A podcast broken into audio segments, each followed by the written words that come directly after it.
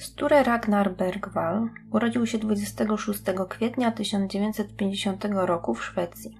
Dorastał w mieście Kosznes wraz z sześciorgiem swojego rodzeństwa i od najmłodszych lat sprawiał kłopoty wychowawcze. Jako nastolatek był już silnie uzależniony od narkotyków.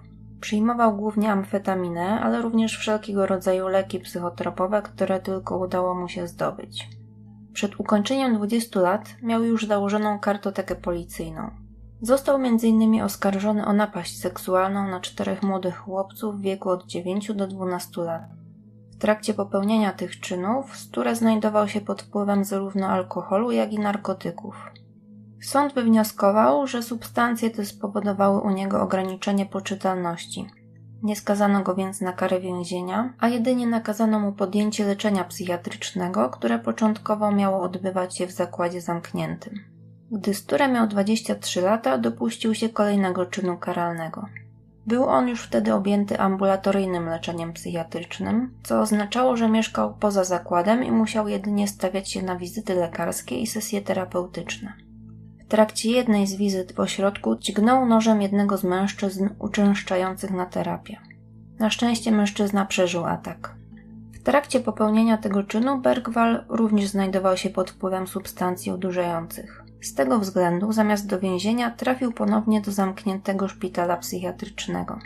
Tym razem terapia wydawała się pomagać. W latach 1978-1989 Bergwalowi udało się zerwać z nałogiem. Przyjmował jedynie na stałe niewielkie dawki leku uspokajającego. W tych latach nie dopuścił się on żadnych przestępstw. Niestety pod koniec lat 80. z jakiegoś powodu Bergwall poddał się i ponownie popadł w nauk. W 1991 roku pod wpływem substancji odurzających dopuścił się napadu na bank z bronią w ręku. Władze doszły do wniosku, że napad był bardziej czynem mającym znamiona szaleństwa niż logicznego i planowanego działania. Z tego względu Bergwall ponownie trafił do zakładu, ale tym razem skierowano go do szpitala psychiatrycznego w Setter niedaleko Sztokholmu, w którym prowadzono nowatorską psychoterapię przygotowaną specjalnie dla osób z przeszłością kryminalną. Wydarzenia, które miały następnie miejsce, wpisały się dużymi literami w historię szwedzkiej kryminalistyki. Terapeuci pracujący w szpitalu, w którym znalazł się Bergwall, wychodzili z założenia, że za większością problemów psychiatrycznych leży molestowanie seksualne, którego ich podopieczni doświadczyli w dzieciństwie. Część ze skazanych osób rzeczywiście miała takie doświadczenia, natomiast terapeuci twierdzili, że nawet jeśli któryś z pacjentów nie przypomina sobie takich wydarzeń w swoim dzieciństwie, to wcale nie oznacza, że nie był molestowany, a tylko to, że może o tym obecnie nie pamiętać. Stosowano więc metody terapii, które miały na celu przywrócenie pacjentom wypartych wspomnień. Pod jej wpływem Bergwall rzeczywiście zaczął przypominać sobie wyparte z pamięci wydarzenia z dzieciństwa, w trakcie których stał się ofiarą molestowania seksualnego. Będąc pod wrażeniem efektów terapii, bardzo chętnie brał w niej udział. Jeszcze w początkowym okresie swojego pobytu w ośrodku, Bergwall postanowił zmienić nazwisko. Zaczął używać nazwiska panieńskiego matki i od tamtego czasu znany był jako Thomas Quick.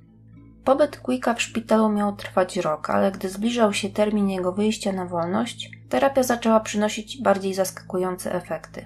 Quick zaczął dzielić się z terapeutami swoimi wspomnieniami dotyczącymi popełnionej przez siebie zbrodni.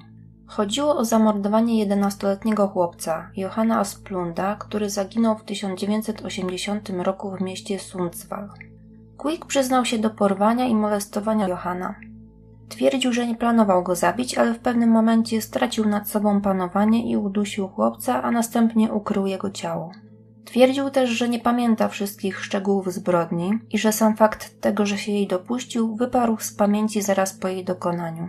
Przez te wszystkie lata, aż do czasu terapii, nie zdawał sobie sprawy z tego, że jest mordercą. Wprawdzie w czasie kolejnych sesji terapeutycznych Quick często zmieniał szczegóły zbrodni. Mówił na przykład, że zabił chłopca dźgając go nożem, a nie dusząc go.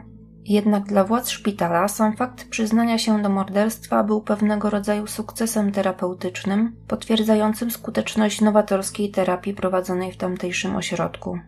Oczywiście przyznanie się do tak potwornej zbrodni nie mogło ujść Quickowi na sucho i po kilku tygodniach terapii poinformowano go, że sprawa zostanie zgłoszona policji.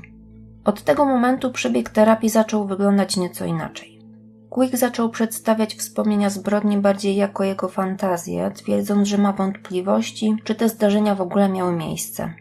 Gdy policja i prokurator zaczęli przesłuchania, napotkali na problem, który pojawił się już w trakcie sesji terapeutycznych, jednak dla oskarżycieli był on zdecydowanie bardziej istotny niż wcześniej dla lekarzy.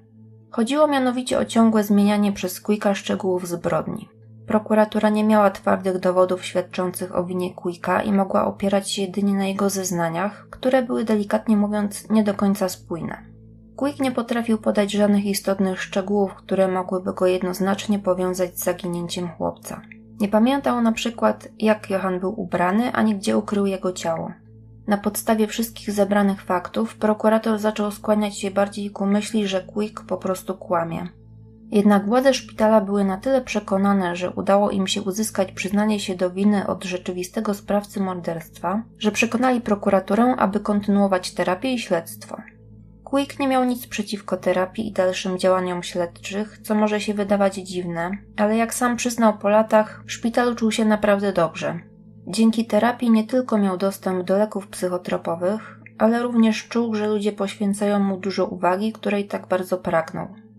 W trakcie kolejnych sesji Quick zaczął sobie przypominać kolejne zbrodnie, których się dopuścił.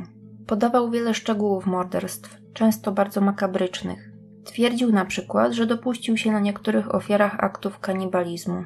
Niestety ponownie w wielu przypadkach zeznania Quicka nie zgadzały się z faktami lub były często zmieniane. W trakcie sesji obecni byli nie tylko terapeuci, ale również przedstawiciele policji, którzy wspólnie z lekarzami próbowali pomóc Quickowi w przywróceniu wspomnień. Stosowano na przykład zadawanie pytań, które miały naprowadzić Quicka na prawidłowe wspomnienia, co jak pokazały późniejsze wydarzenia miało bardzo negatywne konsekwencje. Aby ułatwić Quickowi przywracanie wspomnień oraz uzyskać dowody w prowadzonym śledztwie, prokuratura zlecała liczne wizje lokalne mające miejsce w punktach odnalezienia zwłok jego domniemanych ofiar, czy w miejscach, z których Quick miał uprowadzać mordowane później osoby. Pomimo braku ewidentnych dowodów wskazujących winę Quicka, prokuratura postanowiła oskarżyć go o część zabójstw, do których się przyznał. Trzeba przyznać, że jedną z przesłanek ku temu było zachowanie samego oskarżonego, który z każdym przypomnianym sobie morderstwem okazywał ogromną ekscytację spowodowaną tym, że udało mu się przywołać wspomnienia popełnianych przez siebie czynów. Dodatkowo Quick opowiadał o morderstwach w bardzo przekonujący sposób. Wydawało się, że mylące mu się fakty dotyczące popełnianych zbrodni są mało istotnym szczegółem, wynikającym z tego, że wyparł całe zdarzenie z pamięci, a przywrócone wspomnienia nie zawsze były dokładne. Quick przyznał się do popełnienia w sumie 39 zabójstw. W wielu przypadkach jednak jego wspomnienia były na tyle mgliste, że nie potrafiono nawet zidentyfikować tożsamości ofiar. Z tego względu ostatecznie oskarżono go o popełnienie zaledwie ośmiu morderstw, za które został skazany w trakcie sześciu różnych procesów sądowych. W 1994 roku skazano go za zabójstwo Charlesa Zelmanowitza, piętnastolatka, który zaginął w 1976 roku w Piteo i którego szczątki odnaleziono w 1993 roku w lesie niedaleko miejsca jego zaginięcia. Quick został skazany za zabójstwo Charlesa na podstawie własnych zeznań i przyznania się do winy. W 1996 roku Quick został skazany za zabójstwo Jani i Marinusa Stegehuis, 30-paroletnich turystów holenderskich, których ciała z licznymi ranami kłutymi zostały znalezione w ich namiocie rozbitym w lesie na terenach północnej Szwecji w 1984 roku. Tym wypadku również nie posiadano dowodów materialnych na winę Quicka, ale w trakcie śledztwa podał on informacje, które nie były wcześniej ujawniane opinii publicznej i mógł je znać tylko morderca. W 1997 roku skazano Quicka za zabójstwo Jenona Lewiego, izraelskiego turysty, który został zabity w trakcie pieszej wędrówki w regionie Dalarna w Szwecji w 1988 roku. Podobnie jak w poprzednich procesach brak było dowodów rzeczowych, ale Quick podał informację dotyczącą narzędzia zbrodni, którą znowu mógł znać tylko morderca. Przyznał on, że zamordował turystę przy pomocy drewnianego kija, co zgadzało się z prawdą, a informacja ta nie była przekazywana wcześniej opinii publicznej. W 1998 roku Quick został skazany za zabójstwo Teresy Johannesen, dziewięciolatki, która zaginęła w Drammen w Norwegii w 1988 roku. Był to pierwszy proces, w którym przedstawiono dowód rzeczowy. Quick przyznał się do morderstwa i twierdził, że pozbył się ciała wyrzucając je do jeziora, które wskazał śledczym. Jezioro zostało osuszone, ale nie odnaleziono zwłok. Przeszukano więc pobliski las i tam natknięto się na fragmenty kości, które następnie przedstawiono w sądzie jako szczątki Teresy. W roku 2000 Quick został skazany za zabójstwo Trina Jensen i Gry Strowik. Trina Jensen, siedemnastolatka z Oslo, zaginęła w sierpniu 1981 roku. W dniu zaginięcia odwiedziła swoją matkę w sklepie, w którym ta pracowała. Po odwiedzinach Trina miała udać się na zakupy, dostała od mamy pieniądze na zakup kurtki, a następnie spotkać z przyjaciółmi, ale niestety nigdy nie dotarła na to spotkanie. Jej ciało odnaleziono trzy miesiące później w zaroślach w Opegord, niedaleko Oslo. Stopień rozkładu ciała był znaczny, ale prawdopodobne było to, że Trina została przed śmiercią wykorzystana seksualnie, ponieważ odnalezione ciało było nagie.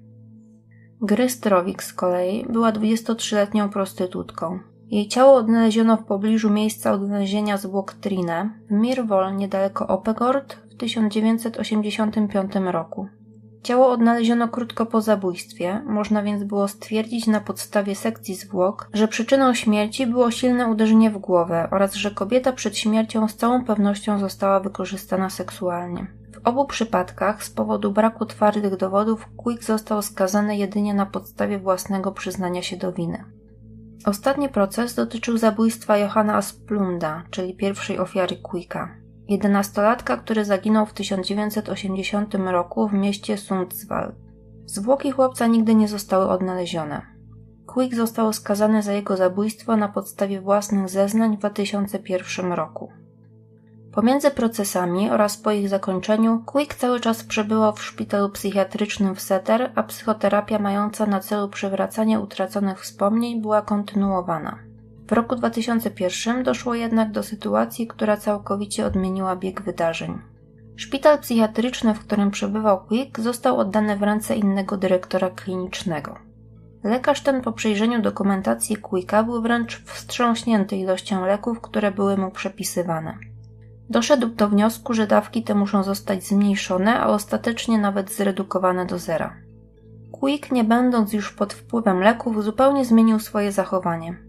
Przestał współpracować z policją i prokuraturą, która nadal pracowała nad identyfikacją pozostałych jego ofiar, oraz wrócił do swojego poprzedniego nazwiska Sture Bergwall. Na kilka lat zamknął się w sobie, nie chcąc kontynuować wcześniejszej terapii. W roku 2008 wycofał wszystkie swoje wcześniejsze zeznania oraz poprosił o ponowne rozpatrzenie wszystkich spraw. Oczywiście samo wycofanie zeznań początkowo niewiele zmieniało, jednak sytuacja nabrała rozgłosu i wzbudzała coraz większe zainteresowanie dziennikarzy. Końcu fakt, że jeden z najgroźniejszych seryjnych morderców ówczesnych czasów, określany mianem bestii bez ludzkich cech, tak chętnie opowiadający o swoich zbrodniach, ostatecznie odwołał przyznanie się do winy, był łakomym kąskiem dla dziennikarzy. Problemy zaczęły się, gdy zaczęto dokładniej sprawdzać wszystkie złożone przez Bergwala zeznania. Okazało się, że przyznał się on do kilku morderstw, których w żaden sposób nie mógł popełnić. W przypadku dwóch zabójstw Bergwal na ich czas miał żelazne alibi poświadczone przez wiele osób. W dwóch innych przypadkach okazało się, że zaginione osoby, które rzekomo zabił, odnalazły się całe i zdrowe. O śmierć tych wszystkich osób Bergwal nigdy nie został oskarżony, ale zaczęto się zastanawiać nad tym, czy jeśli kłamał w tych przypadkach, mógł również kłamać w pozostałych. Gdy dziennikarze zaczęli zgłębiać temat, pojawiało się coraz więcej wątpliwości. Końcu na wniosek części śledczych, którzy brali udział w zbieraniu materiałów dowodowych przeciwko Bergwalowi oraz na wniosek rodzin jego domniemanych ofiar, które również miały spore wątpliwości co do jego winy, postanowiono wznowić wszystkie procesy. Rozpoczęto od sprawy śmierci Jana Lewiego. Jak wspomniałam wcześniej, Bergwal nie tylko przyznał się do jego zabójstwa, ale podał też rodzaj narzędzia zbrodni, który zgadzał się z ustaleniami prokuratury. Okazało się jednak, że w trakcie procesu nie wspomniano o tym, że zanim Bergwal przyznał się do użycia drewnianego kija, wymienił najpierw kilka innych narzędzi, którymi podobno zabił mężczyznę. Był to topór, szpadel i podnośnik samochodowy. Zeznania Bergwala stały się w tym momencie bardzo mało wiarygodne. Z braku innych dowodów werdykt został unieważniony we wrześniu 2010 roku. Następnie zajęto się sprawą zabójstwa Teresy Johannesen. Jak pamiętamy, był to pierwszy proces przeciwko Bergwalowi, w którym przedstawiono dowód rzeczowy, jednak po dokładniejszym jego zbadaniu testy laboratoryjne wykazały, że domniemane fragmenty kości Teresy odnalezione w miejscu wskazanym przez oskarżonego składały się z połączonych ze sobą drewna i kleju. Nie były to więc wcale fragmenty kości, a prawdopodobnie fragmenty płyty pilśniowej. Bergwal został oczyszczony z tego zarzutu w marcu 2011 roku. Rok później zajęto się sprawą zabójstwa Johanna Asplunda, czyli domniemanej pierwszej ofiary Bergwala. Ponieważ w tej sprawie również nie było żadnych dowodów prócz wycofanego przyznania się do winy, zarzuty oddalono w marcu 2012 roku. Kolejną wznowioną sprawą były zabójstwa kobiet w pobliżu Oslo. Tutaj podobnie Bergwal został skazany tak naprawdę jedynie na podstawie własnych odwołanych później zeznań. Z powodu braku jakichkolwiek dowodów winy, czy też nawet powiązań Bergwala ze zmarłymi kobietami, wyrok unieważniono we wrześniu 2012 roku. Na co miał wpływ również fakt, że DNA uzyskane z nasienia pobranego z ciała Grystrowik nie odpowiadało materiałowi genetycznemu Bergwala. Kolejnym unieważnionym wyrokiem był ten za zabójstwo pary holenderskich turystów.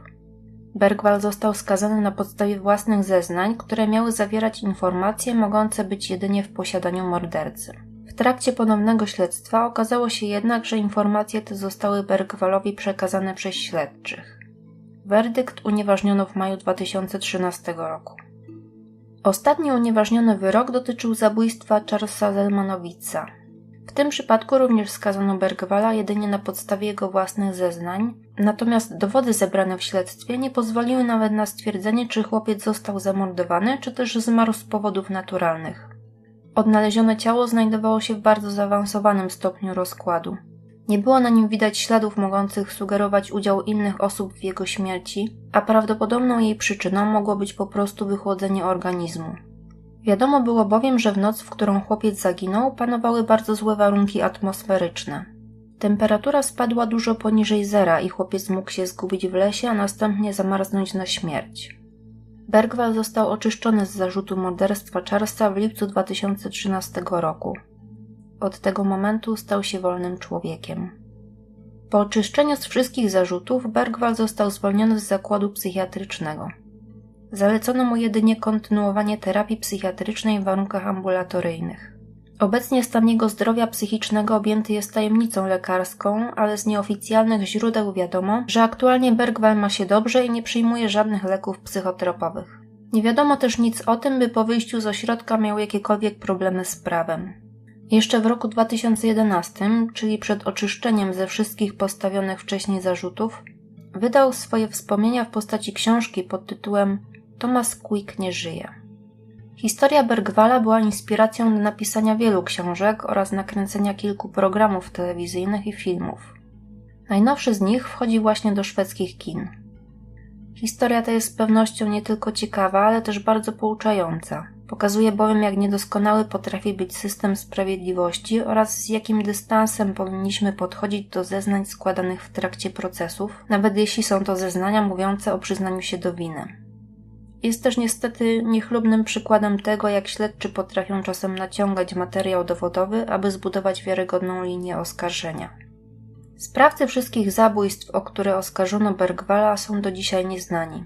Od śmierci ofiar minęło już ponad 25 lat, więc nawet jeśli znaleziono by winnego, nie mógłby on zostać skazany ze względu na przedawnienie sprawy. Pomimo tego, zarówno niektórzy policjanci, jak i dziennikarze nadal starają się dociec prawdy, chociażby po to, by przynieść rodzinie ofiar ulgę w cierpieniu wynikającym z niewiedzy.